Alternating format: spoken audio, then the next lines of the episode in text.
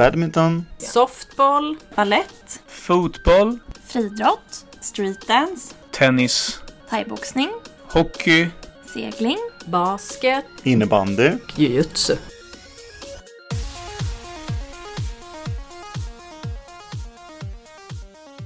Välkomna till Kampsportspodden! Nu har vi hört lite av eh, oss från kansliet vad vi har hållit på med för idrotter. Och det är just det vi ska prata om idag. Vi har nämligen eh, tema RFs kampanj Min andra idrott. Och eh, med oss idag har vi Mattias Olsson som är projektledare för kampanjen. Välkommen hit! Tack så mycket. Mm, välkommen. Kan inte du berätta lite om din idrottsbakgrund nu? Ja, jag har en ganska klassisk bakgrund tror jag. Eh, jag har hållit på ganska mycket med olika bollsporter, så liksom fotboll, innebandy, bandy, lite hockey, spela lite golf eh, och sen eh, en massa andra saker som inte är i rent organiserad form såklart. Men ganska mycket olika saker. Och golfen är fortfarande on, Ja, man försöker kanske fortfarande.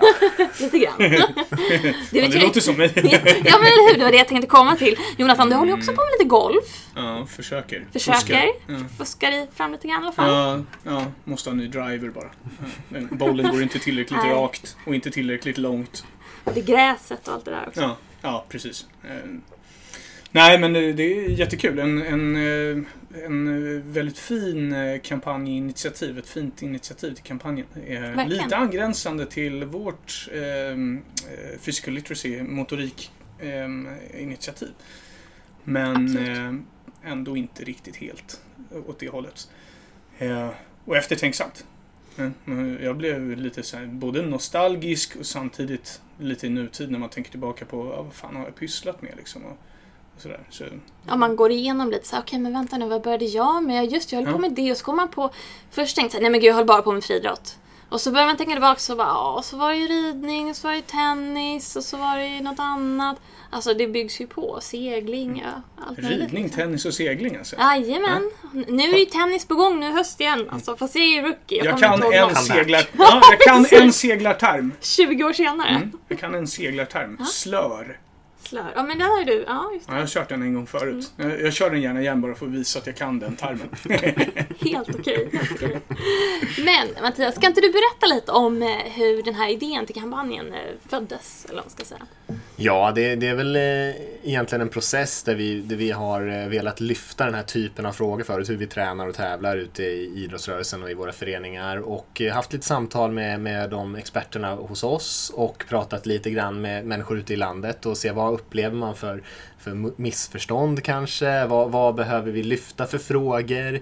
Eh, och då kom det här upp helt enkelt att den här eh, idén om att man måste ha väldigt bråttom när man är ung, eh, särskilt om man vill bli duktig. Eh, och man måste liksom lägga av med all, alla sina intressen för att, satsa på någonting helhjärtat och så. Och eh, har väl sett på många av våra kända svenska idrottare att det är ju inte riktigt så. Det är inte så enkelt utan alla har liksom sin egen resa och det finns många olika sätt att göra det på. Eh, och det finns vad forskningen har visat mycket positiva effekter av att, att blanda lite. Eh, och då kom vi fram till att det här kanske är en bra fråga att lyfta som folk eh, ändå kanske inte tänker så jätteofta på. Eh, men som är ganska logisk ändå att ja, men om man har gjort, eh, spelat till exempel handboll eh, så kan man använda en del av de kunskaperna i någon annan grej som man håller på med. Eh, utöver då att man såklart utvecklas personlig utveckling också som man inte ska underskatta. Eh, så lite så kom liksom idén, att vi ville lyfta det här på något, på något intressant sätt. Vi har ju bland annat Musse Hasselar i våra egna led, en av våra styrelsemedlemmar som är med i kampanjen. Han höll ju på med jujutsu när han var yngre och nu håller han på med ridsport. Men det finns också några andra eh, exempel där i kampanjen. Mm. Eh, kan du nämna lite om dem? Absolut. Jag tror att det största ögonöppnaren kanske var Charlotte Kalla för många. Eh, Med som- basketen. Ja, som ja, har spelat- Du snurrar en boll där på Ja. fingret. Imponerande. Ja, hon är, var verkligen helt eh, inne på basket när hon var ung. Eh, och det är nog inte så många som känner till tror jag. Hon pratar väldigt inte. mycket om vad hon har tagit med sig därifrån in i skidåkarkarriären. Inte minst socialt, att hon har träffat mycket folk där som sen har kunnat stötta henne under hennes skidkarriär. Men också att hon har fått med sig mycket fysiska saker. Att träna på sin koordination, lära känna sin kropp och den typen av grejer. Eh, sen, är det, sen är det totalt sju stycken idrottsprofiler, så det, det är rätt många. Eh, och alla har liksom hel, en helt egen historia egentligen, en helt egen bakgrund. Eh, men jag tror att alla har kommit till den förståelsen senare i sitt liv i alla fall, att det var väldigt nyttigt för dem att ha den bakgrunden på olika sätt, oavsett om man har utvecklats personligen, som André Myhre säger till exempel, som tog OS-guld här 2018 ganska sent in i sin karriär, att för att bli väldigt duktig såklart och bli så duktig som André Myhre så måste man åka ganska mycket alpint. Eh, det kan man ju ganska snabbt konstatera. Mina sex pass om året räcker inte där. Du är snart där kanske. Kämpa Jonathan, kämpa! Fan alltså. Det finns inga genvägar. Men förutom det fysiska så pratar han om att eh, det är just, det här, just att man måste åka väldigt många åk för att bli duktig. För att orka med det. Och det här enda långsiktiga eh, jobbet det har varit för honom att bli så duktig som han blev. Eh, så hjälpte den här bakgrunden när han hade lite andra saker att variera, variera med. Så att han inte var lika trött helt enkelt på sin alpinåkning. Eh, mm. När det väl var dags för honom att vara jätteduktig. Eh, så det finns många olika perspektiv på det tror jag. Mm. Vi pratar lite om eh, anledningarna till att varför det skulle vara bra att hålla på med flera olika idrotter. Då pratar vi bland annat om eh, att man kan få specifika så här, skador, överbelastning, sådana eh, saker. Men också att vad, vad, finns det mer för, för negativa, eller snarare vad finns det mer för fördelar kanske då, att eh, hålla på med flera olika idrotter när man växer upp framförallt då kanske? Ja, men jag tror att eh, mycket av forskningen tyder på att det just det här breda eh, grunden att stå på gör att man sen utvecklas snabbare. Eh, på kort sikt så kanske, om man bara skulle träna en sak väldigt mycket så ser man kanske snabb effekt där. Men på lång sikt så, så de som har den lite bredare basen har lättare sen att fortsätta utvecklas. Och sen så pratar vi om det här med motivationen. Att eh, orka hålla igång, fortsätta tycka att det är roligt. Eh, också gynnas väldigt mycket av Eh, av att ha den lite variationen i sitt liv av olika intressen helt enkelt. Eh, särskilt när man växer upp och är ung. Eh, ja, det finns många olika delar av det och sen så har man ju sett studier som också kopplar samman kring det här hur mår man egentligen med sin psykiska hälsa och sådär. Eh, elitidrottare som har specialiserat sig tidigt och sånt där. Så det finns mycket olika saker och det går att läsa om i, på den sajten som jag har gjort för kampanjen på, på Riksidrottsförbundets hemsida så kan man läsa lite mer om vad, vad forskningen har kommit fram till. Ja, jag kan ju bara referera till eh eller kommer med en personlig eh, vinkel där på det, det där när man specialiserar lite för tidigt. Just det där med motivationen. Att det lätt kan bli så när man är väldigt specialiserad i en idrott och kör det fem, säg fem pass i veckan plus tävling då. Jag höll på med friidrott när jag växte upp. Framförallt och då specialiserar oss väl kanske, eller det blev väl lite inriktning ganska fort. Eh, vilket var superkul men, men det blev ju också att beslutet kändes som att det kom kanske lite för tidigt att man behövde ta, ta beslutet. Okej, okay, är det här någonting jag vill göra i, satsa i resten av livet? Eller liksom, nu, nu gäller det att bli bäst i världen här. Mm. Eh, och så har man skolan med en i den åldern, ni kompis. Alltså det är mycket sånt också. Mm. Jag tror att om jag hade haft en, en ytterligare sport parallellt till det här. Mm. Att det hade blivit lite, ah, att det inte heller mm. blir samma press att Nej. Eh, prestera på tävlingarna. Går inte bra på tävlingarna, ja, kanske hade det gått bra på, om man nu tycker om att tävla, den andra idrotten, eller den andra idrotten kanske var en, en eh, budidrott där man inte tävlade till exempel. Eller liksom att man, att man på så sätt skulle eh, höll på längre. För jag tyckte det var jättekul men de, just de bitarna blev lite såhär, nu blir det för mycket. Det är bra att du lyfter det perspektivet också tycker jag. För det, det blir lätt att vi pratar om de här stjärnorna som är med i kampanjen. För de blir ju ändå mm. bevis på att det går att liksom ta det i sin egen takt och göra det som man, man brinner för Absolut. i stunden. Men kampanjen vill ju heller inte bara lyfta att man ska bli jätteduktig på någonting. För alla blir ju inte elitidrottare. Eller väldigt, väldigt få blir elitidrottare. förutom jag och Jonathan på golfbanan då såklart. Och eh, eh där, även om man har den här, den här breda bakgrunden eh, är ju även bra för de som eh, liksom bara vill hålla igång. Fortsätta tycka att det är kul, ha positiva upplevelser. Mycket som ni pratar om i er physical literacy-satsning här är ju, handlar ju väldigt mycket om det, det begreppet att, att eh, få en, en, en, positiv upplevelse av idrott och en, en, bred bas att stå på så man kan testa mm. massa olika nya grejer utan att känna att man inte kan det. Liksom. Eh, så det är båda spåren där, att det, man måste inte bli bäst. Det är inte det det handlar om bara. Men, det men även fast man vill det så är det kanske inte så bråttom som man tror alla gånger. Hur, hur, vill kampanjen, förlåt, eh, men hur vill kampanjen nå den målgruppen då? Om man säger så. Eh, vad är det ni kommer satsa på för att, för att försöka få så att säga den, den, den tränande vanliga medlemmen att bli uppmärksammad.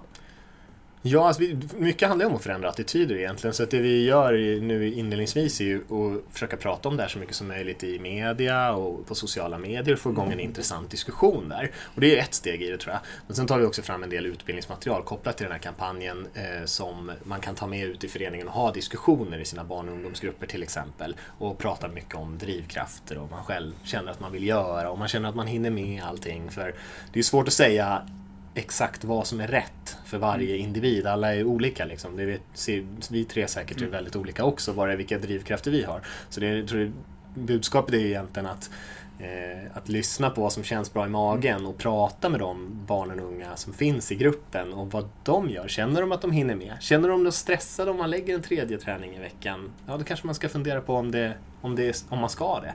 Eh, om det är meningen att barnen ska må bra, ha kul och vilja komma tillbaka till träningen.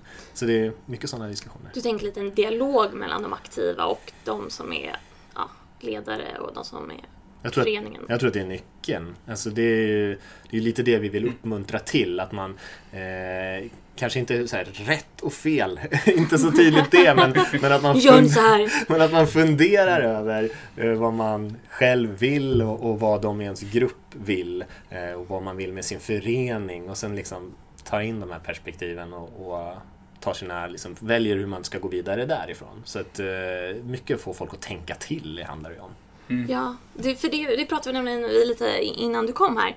Eh, just om... Eh, jag vet inte hur det ser ut. Nu började vi prata om att ah, men när vi var små då, då tyckte jag vi hade liksom lagom många aktiviteter. Nu känns det som att alla har varenda dag, två om dagen. Att det liksom, att man, att vi började spåna delvis ekonomi. Alltså hur kan, alla kan ju inte eh, har råd att och liksom addera fler idrotter. Man kanske bara har råd att liksom, ha sitt barn i en idrott. Eh, men sen pratar vi också om det här med tids, tidsschemat. Hur man ska liksom, i och med att eh, det är inte bara så att föräldrarna ska hinna skjutsa fram och tillbaka och den prylen. Utan det är ju faktiskt också att många idrotter eh, som kanske då är satta lite tidigare eller så har väldigt många träningar att det kan ibland vara svårt att trycka in en annan idrott. Att det nästan skulle behöva komma lite inifrån idrotten själva. Att vi kanske inte behöver ha fem pass liksom, för då blockar man varenda liksom, vardagskväll för alla andra idrotter. Eller vad man ska säga. Om man då vill uppnå lite mer det här utbytet. Mm. Jag vet ja. inte vad ni... Jag tycker det är en jätteklok sak som du lyfter. Jag tror att det är någonting som alla förbund jobbar med. Att eh, påverka eller ha en diskussion med sina föreningar hur man egentligen ska göra det. För det är klart, har man idrotter som kör många gånger i veckan, kanske året runt, eh, då är det klart att då blir det svårt att variera sig.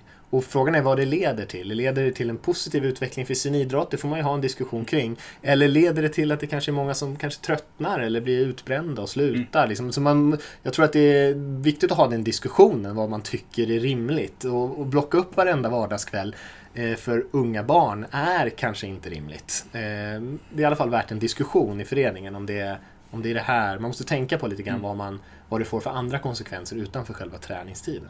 Ja, precis. Det finns ju de idrotter också som, som eh, har den tydligheten att liksom, okej, okay, du är med och tränar här, men är du inte med så blir det inte match för dig i helgen mm. och sådana saker. Och, och eh, jag, jag, tror ju, jag tror ju generellt sett att man, alltså jag har ju själv varit med om just den biten. Och det blir en press på något sätt. Och jag tror att man ska försöka komma bort från det i tidig ålder. Och det vet jag att många idrotter också som har haft det bekymret försöker mm. allt mm. mer. Mm. Ja, jag tror också att, att alla idrotter jobbar med det. Men... Ja, såklart. Ehm, men det, det är ju liksom Allting har ju med, eh, tror jag, dels som jag varit inne på ekonomi, men tid, men framförallt också eh, vad finns det för förutsättningar rent arenamässigt och så. Och då Absolut. läste jag ju eminent här på er kampanjsida att eh, ni hade förslag på att man Alltså ni behöver inte vara med och idrotta kanske organiserat alla gånger. Utan kör gärna spontant i så fall. Om det är det enklaste sättet. Ja, och det, det tycker jag är en alldeles utmärkt eh, del. För det är väldigt många som faktiskt tycker att det är bara skönt att gå ut och springa eller liksom eh, cykla eller vad man nu gör. Spela, spela fotboll i Vasaparken. Alltså den grejen. Um, så jag tror att kan man, kan man ha den biten Samtidigt som man ska kunna samla många idrotter på en och samma plats för att göra det enklare för många. tror jag är mm. väldigt viktigt. Ja, ja, precis. Tillgängligheten på ett annat ja. sätt. Jag tror min kloka, min kloka kollega Ayla, hon brukar mm. säga det här med träningsnärvaro, mm. ett intressant begrepp som man också kan fundera kanske på lite grann i sin förening. Vad, vad, vad betyder träningsnärvaro? Om du har tränat i fotbollsträningen en gång, du har gått till din kampsportsträning en gång och du har spelat handboll en gång i veckan, då har du ju tränat tre gånger. Det spelar ju inte så jättestor roll om du har spelat fotboll eller liksom handboll en gång vardera. Du har ju tränat tre gånger och alla de här träningarna bidrar ju på något sätt till samma mål. Mm. Eh, det är träning som träning egentligen. Eh, lite sådana saker kan man ju också fundera över. Att det är, har man eh, det är klart att man måste ju få folk till träning så att man kan ha ordentliga mm. träningar. Oh, ja. Annars är det inte kul för någon som är involverad såklart. Nej, nej. Men, eh, men man kan fundera lite över hur man tänker kring de begreppen också. Mm. Det kanske också handlar om att ha lite mer en dialog med de som är aktiva och de aktivas föräldrar. Alltså att man tränaren i så fall är lite mer informerad och inte bara tänker ah, nej men nu kommer inte Pelle här på sin andra träning. Eh, Varför? Ja, men, liksom en bra fråga. Nej, men Pelle har varit på träningsläger med sin hand i ja. i två veckor så han har missat träningen men han har ju tränat i två veckor. Ja. Det är ju jättebra. Han har ju mm. tränat jättemycket. Eh, så det måste gynna ju hans ja, ja. kampsportsutveckling också. Absolut. Så att man får lite tänka på det sättet tror jag. Och sen så kostnader är en jätteviktig sak mm. som man säger. För man ska ha stor respekt tror jag för det, människors tid eh, och ekonomiska förutsättningar. För det är klart att alla har inte föräldrar som kan skjutsa. Eh, alla har inte råd att ha massor av aktiviteter. Så då jättebra som du lyfter där med eh, göra någonting som inte behöver vara så organiserat. Men det behöver ju också, du behöver också ha tid i kalendern för det. Ah, så att då kan man inte heller boka upp eh, liksom, barnens hela veckoschema Nej. för då orkar de inte gå ut och leka på gården. Och vi vet kanske ju... inte är några andra barn ute på gården för Nej. de har blockade. ja, precis, alla andra på träning. Men det, det vet man ju också att det är väldigt utvecklande den här leken. Det finns kreativiteten. Zlatan pratar om när han spelade på gården i Rosengård, mm. hur mycket han utvecklade mycket av de grejerna han kunde använda sen i sin mm. fotboll. Mm. Där, för där kunde han prova nya saker och så här, eh, känna sig trygg och, liksom, mm. och leka på sitt sätt. Liksom. Och det, jag tror att det är sådana grejer behöver man bära med sig också. Det finns stor värde i det också. Precis, det kan ju också finnas ett, kanske det behövs lite mer utrymme för frihet och lek. Mm. När man tänker på mm. speciellt de yngre eh, barnen. Alltså mm. där det kan finnas ja, möjlighet för dem att, att leka och träna på, på annat sätt än just den organiserade formen. Eh, och jag tror också lite om man tänker på föräldrarnas eh, del i hela, för det är ändå de som på något sätt driver, i alla fall delvis, eh, ens barns eh, aktiviteter. Att det kanske inte alltid behöver vara organiserat. Ibland kan man ha en liten ton av att det, det, det, det ska vara aktiviteter mm. hela tiden. Och det, behöver kanske inte alltid vara. Alltså att det ska finnas en prestige i det nästan. Mm. Att det är såhär, jo men jag vill erbjuda min, mina barn det allra bästa. Mm. Och det är klart, och det är ju såklart förståeligt. Men det bästa kan ju vara olika vägar. Mm. Alltså det kan ju se ut olika för olika barn. Um, vi pratade om Charlotte Kalla som lär sig mycket om samarbete när hon kommer in i lagidrott som sen hon tar med sig till skidorna och tycker att det är jättekul att åka stafett och såna grejer. Och jag menar, hur mycket mer kan man träna på samarbete än i en grupp med barn där det inte är några vuxna närvarande och man måste komma överens. Alltså, jag menar, det är ett superbra exempel på liksom, eh, hur man jobbar i en grupp och ah. samarbetar för att liksom, komma på hur ska den här aktiviteten funka nu då när det inte finns några regler. Alltså, jag menar, det är, och ingen ja. vuxen som säger nej. Nej precis, det är ingen som styr upp. Det är ingen som har skrivit i 15 minuter ska vi värma upp och så här, då, då måste ju någon av barnen göra eller barnen göra det tillsammans. Så det, finns mycket där. Jag tänkte på en grej också. Ehm, jag tänker mig lite att det här också skulle kunna inspirera till idrotterna jag vet inte vad ni tycker. Men kanske att låna vissa moment av varandra. För jag kan ju tänka mig att säga att det här skulle bli väldigt stort, att man håller på med att det blir vedertaget att ja, men, många olika idrotter är bra, både för idrott hela livet men också för elittänk.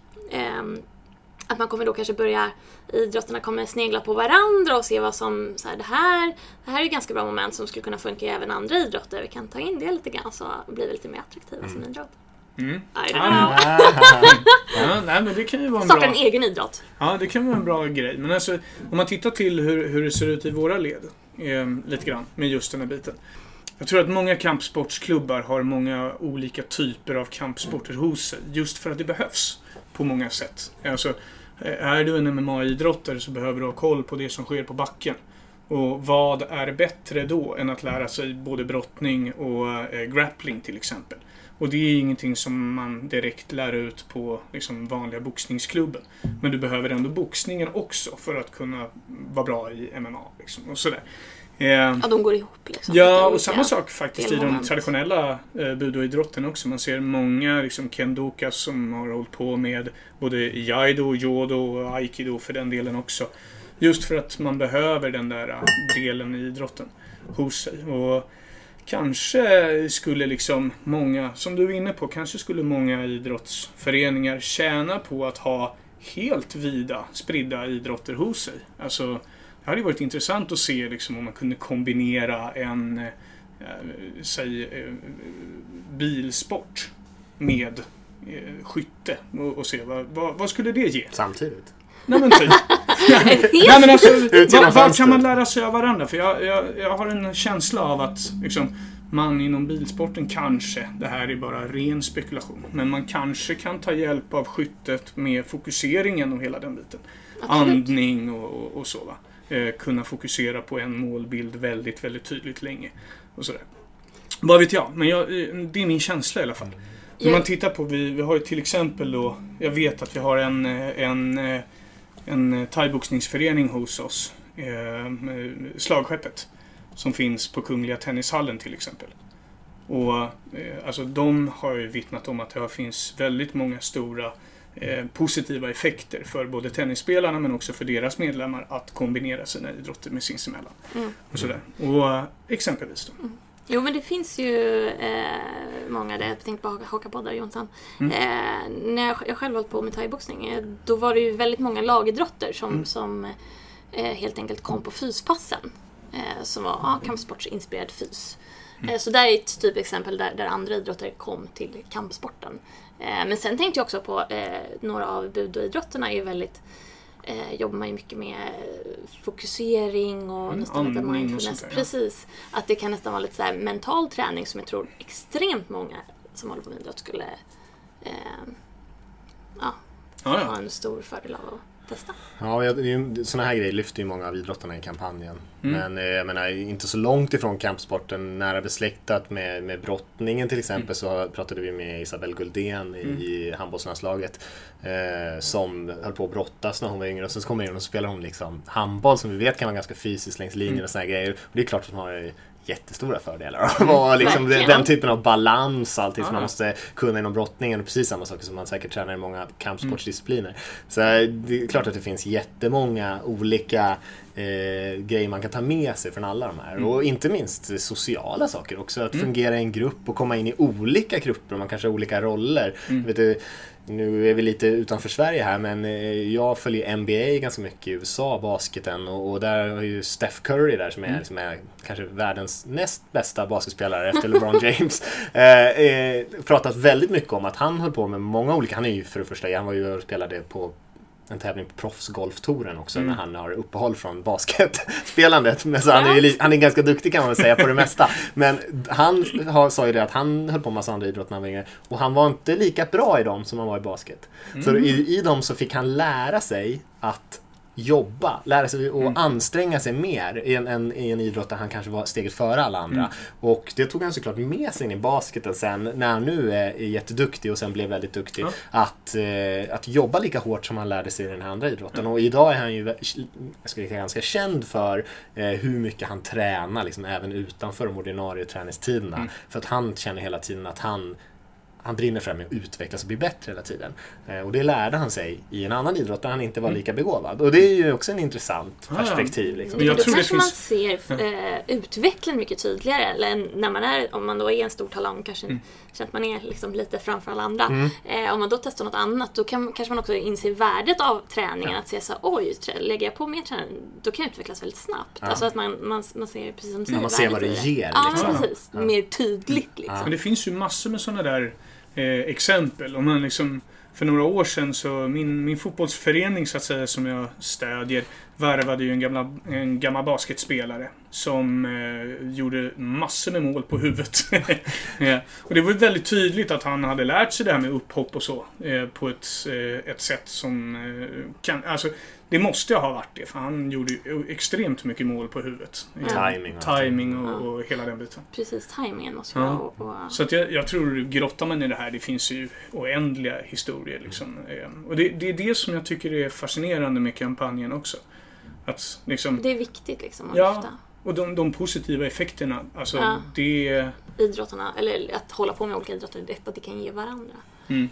Ja, men det, det, det måste, höll jag på att säga, vara en självklarhet nästan. Jag Alltså, tror att det, det är lite det som vi kände att så här, men det här kan vara en bra grej att, att, Mm. att jobba med i en kampanj. Just för att jag tror att när de flesta lutar sig tillbaka och tänker några sekunder så, så är det lätt att förstå att Ja. det här är, är ganska logiskt. Ja, det är det jag menar. Man Eh, relaterar till det väldigt lätt. Ja. Väldigt lätt.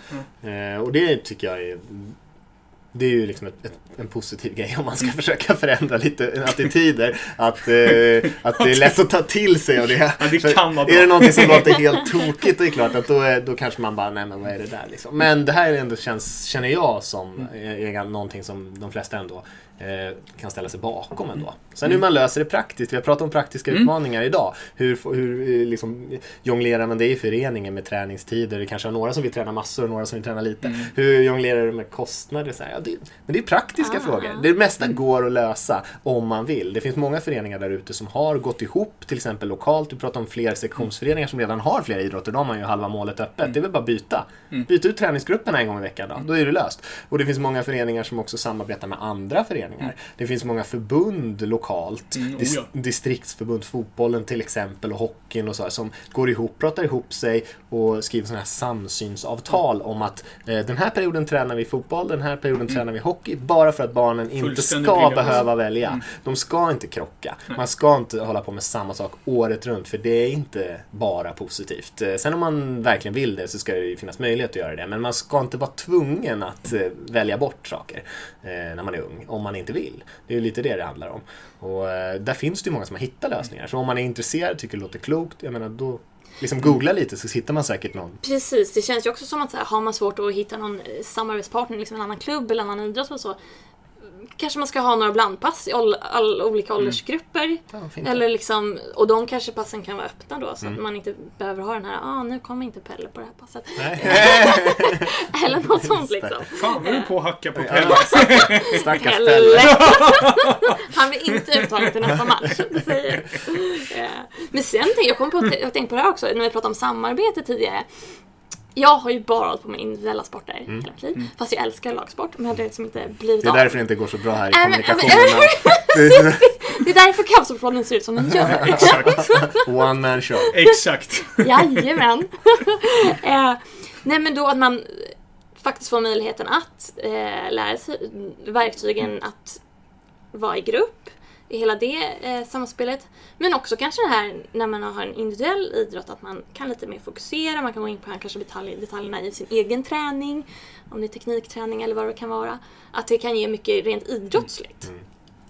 Nej, helt klart. Och eh, nu pratar jag väldigt mycket om vad de idrottarna i den här kampanjen har sagt. Men det är väl kanske inte så konstigt eftersom vi pratar om den idag. Men Stina Blackstenius var ju någon vi träffade i fotbollslandslaget.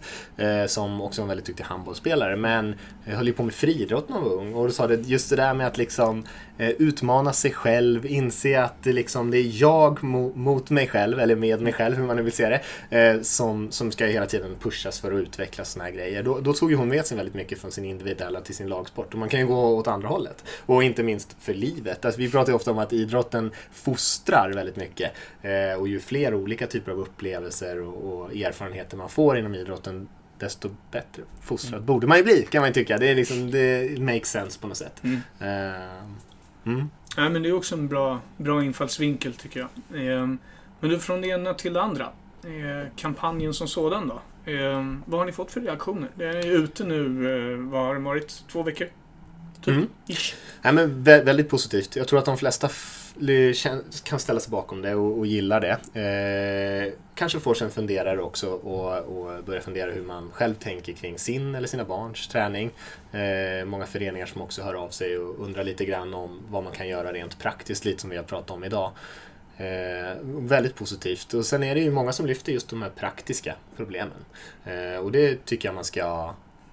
Jag tycker så har man, har man kommit så långt då har man ändå kommit en bit. Alltså har man kommit Mm. förbi det här att mm, varför ska man göra så till att eh, hur ska vi göra? Då, då har man kommit en ganska bra bit på vägen. Så får det inte stanna där såklart. Och vi vet ju att det sker massor av grejer inom idrottsrörelsen idag. Bara kolla på de ekonomiska eh, incitamenten till att träna eller tävla på ett visst sätt. Och jag vet att alla förbund nästan jobbar med det. Eh, på att liksom försöka eh, stötta en verksamhet som är kanske lite mer åt det här hållet. Eh, så det är väl eh, absolut en verklighet som många lever i. Men jag tror att det finns alltid någonting man kan göra i sin förening. eh, Eller någon förändring man kan göra när det gäller sitt eget eller sitt barns idrottande. Och man kanske ska börja litet så får vi liksom ta det ett steg i taget. Men väldigt mycket positiva reaktioner och många som lyfter utmaningarna och det är fullt rättvist tycker jag. Mm. Vad blir nästa steg då? Nästa steg blir att i oktober så kommer det här utbildningsmaterialet och då ska eh, vi ut i föreningarna med hjälp av våra eh, utbildningskonsulenter som finns ute i landet och försöka prata med barn och unga och deras tränare om de här frågorna. Eh, Det är nästa steg när det gäller just den här kampanjen. Och sen så, som sagt, allt det här arbetet som pågår inom idrottsrörelsen, det, det rullar ju på. För där har man ju på något sätt pekat ut en vision som man jobbar mot. Eh, och det är ju inte en, ett kortsiktigt arbete utan det är någonting som ska pågå länge. Eh, så förhoppningsvis kommer vi närmare och närmare dit. Men ni har liksom rullat ut den lilla snöbollen nu. Mm, ja men vi är lite så. Och sen får man ju pusha på. Det är nästa gång kanske vi gör någon annat påhitt som får folk att tänka till lite grann. Som kanske är ett, lite åt samma håll eller kanske någon lite annan vinkel på eh, träning och tävling. Men det handlar ju väldigt mycket om det. Hur tränar vi? Hur tävlar vi? Hur skapar vi en bra idrottsrörelse för våra barn? Hur ska våra föreningar fungera? Och försöka få en diskussion kring det. Mm. Om vi då tittar på liksom de, eh, om vi blickar framåt lite, ännu längre. Eh, vad hade ni önskat få för effekter av den här kampanjen? Har ni tänkt i de evalueringsbanorna än? Eller kommer det lite senare kanske? Ja, men det är just det här att förändra lite attityder tror jag. Och sen eh, att den här utbildningsinsatserna kan kanske få lite konkreta effekter. Och framförallt kanske, jag tror att det finns många som redan har förstått lite av det här tänket och som, som har idéer på vad man kan göra. Och kanske göra deras eh, jobb lite enklare. De som är liksom redan ambassadörer för sånt här tänk i föreningarna. Eh, att de kanske möts av lite mindre motstånd när man kommer på nya förslag. För det blir ändå sak, att göra saker på ett nytt sätt. Och det är alltid klurigt. Då måste man övertyga människor om varför man ska det på ett nytt sätt. Och kanske kan den här kampanjen hjälpa till. Eh, hjälpa dem att övertyga eh, sina kompisar där ute att eh, det är ett bra sätt att göra saker på. På er eh, hemsida, där finns det ju vissa bra citat om varför det här är en bra grej. Att man håller på med flera olika idrotter och skjuter upp specialiseringen lite grann. Mm. Eh, och också vart man har tagit de här påståendena från rent forskningsmässigt. Mm. Eh, så där kan ju också man gå in och kolla Ja. eh, om man känner att man behöver backning i argumenten. Absolut, och man kan ju visa lite av de här filmerna och historierna från de här idrottarna i sin förening om man vill. Alltså, det är rf.se slash min andra idrott om man vill gå in och surfa in där och kolla. Och eh, så finns det ju lite, lite, lite bilder och affischer och såna här grejer och sånt som man kan använda i föreningen. Och så kan man ju, om man vill känna att man vill liksom inviga någon annan i, i idéerna så kan man ju bara visa dem den sajten och säga vad tycker du om det här? Så har man en diskussion och så kanske man inte kommer fram till exakt samma sak som vi gjorde men så länge man har haft en diskussion så tycker jag det är bra. Precis, bara det liksom går framåt att det finns en dialog som Ja. hela tiden är levande. Liksom, så. Och det här materialet är fritt att använda hur som helst. Typ. Absolut. Mm. Ja, Absolut. strålande. Kanon. Mm. Ja, ska vi börja runda av? Ja, men det är väl dags. Jag tänkte avrunda med en liten fråga om inte du hade något mer som du ville tillägga? Nej, inte just nu. Nej, inte just nu. Du får återkomma i så fall. Precis, I sista ett chansen. senare, i senare avsnitt. Nej, jag tänkte ju det, jag var lite nyfiken på om ni skulle börja med en ytterligare idrott nu. Jag ska ju då börja med tennis om någon vecka. Oh. Hjälp. Eh, vad skulle ni börja med då? Ja, jag började ju i somras med eh, stand-up paddling. Just det. Det har jag inte testat på förr. Ehm, det är väl den nya idrotten för mig. Om jag skulle... Om jag, skulle vi, vi, jag har ju ingått ett avtal här med min eh, kickboxande sambo så det är ju bäst att följa det avtalet. Eh, så att vi ska... Ehm, eh, hon, har, hon har sagt att hon ska lära sig alpin skidåkning i, eh, under vintern. Och så, så har jag sagt att jag ska lära mig surfa. Ja, inte i vinter förhoppningsvis, men eh, under till nästa... land, ja, kanske. ja, Ganska kanske bra det. för Kanske det ja. Ja, men så det, det, det blir väl nästa då i så fall, för min del. Tänker jag. Ja, det är svår fråga tycker jag. Jag är lite så här, jag testar lite allt möjligt för jag, det finns så mycket olika roliga Mm. idrotter att hålla på med tycker jag. Det är ju helt galet egentligen hur mycket olika Ja. saker det finns om man, om man vill. Eh. Jag, jag testade att köra lite wakeboard för inte så länge sedan. Eh, det finns ju en sån här liten bana ute, ute vid Arlanda som man kan liksom Mm. köra efter eh, ja, vad ska kalla man det, efter kabel. Eh, och det var väldigt spännande. Jag var inte bra på det ska jag säga, jag var riktigt dålig.